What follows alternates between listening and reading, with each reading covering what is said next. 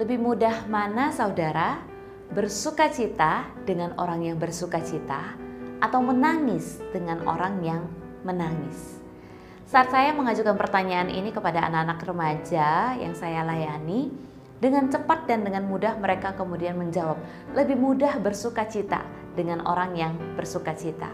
Lebih mudah tertawa dengan orang yang tertawa dibandingkan menangis dengan orang yang menangis. Tapi saya ingin mengajak kita bersama-sama coba kita renungkan lagi pertanyaan ini dengan baik.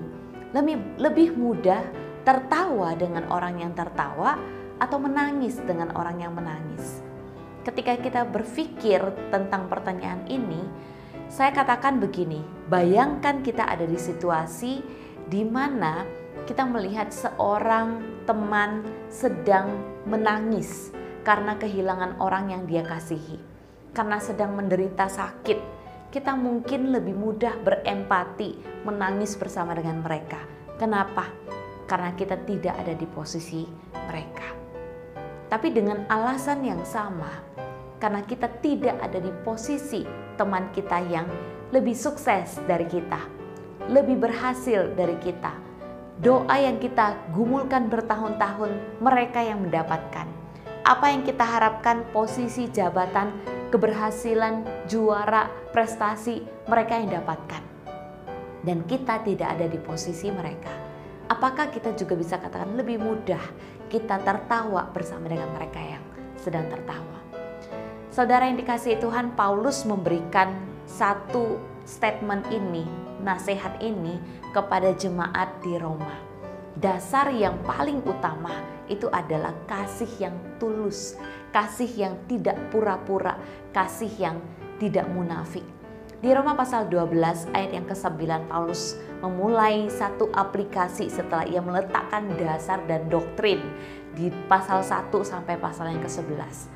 Kemudian di pasal yang ke-12 ayat 1 dan 2 dikatakan, "Jangan menjadi serupa dengan dunia ini, tetapi berubahlah oleh pembaharuan budimu." Supaya kamu tahu apa yang baik, apa yang berkenan kepada Allah dan apa yang sempurna. Aplikasi pertama yang ia ajarkan adalah tentang kasih yang tulus, kasih yang tidak munafik dan kasih yang tidak pura-pura. Dan Paulus memberikan nasihat ini, bersukacitalah dengan orang yang bersukacita. Menangislah dengan orang yang menangis. Ini menjadi nasihat karena ini bukan sesuatu yang mudah untuk dilakukan Orang bisa lebih mudah menangis dengan orang yang menangis. Karena apa? Berempati terhadap orang yang menderita. Kita tidak ada di posisi mereka. Tapi ketika kita menginginkan sesuatu, ketika kita mengharapkan dan mendoakan sesuatu yang baik bagi kita, dan orang lain, apalagi itu adalah sahabat kita, mungkin saudara kita yang mendapatkan lebih baik dari kita, bisakah kita tetap tertawa bersama dengan mereka yang tertawa. Salah satu pemicu orang tidak bisa mengasihi dengan tulus dan kasih itu menjadi munafik. Di depan kita bisa tertawa, tetapi di belakang kita berbicara tentang hal-hal yang buruk tentang orang tersebut. Karena apa? Karena ada iri hati maka di bagian lain Paulus juga katakan kasih yang sesungguhnya, kasih yang tulus, kasih yang jujur, kasih yang tidak berpura-pura. Itu adalah kasih yang tidak cemburu. Kasih dan iri hati itu adalah hal yang bertolak belakang dan itu juga yang mendasari keotentikan, kejujuran dan ketulusan kita terhadap orang lain. Di dalam kehidupan kita sering kali kita mungkin tergoda untuk berpikir, kalau bukan saya yang ada di posisi itu, itu tidak akan bisa menjadi lebih baik. Seharusnya saya yang menduduki jabatan tertentu.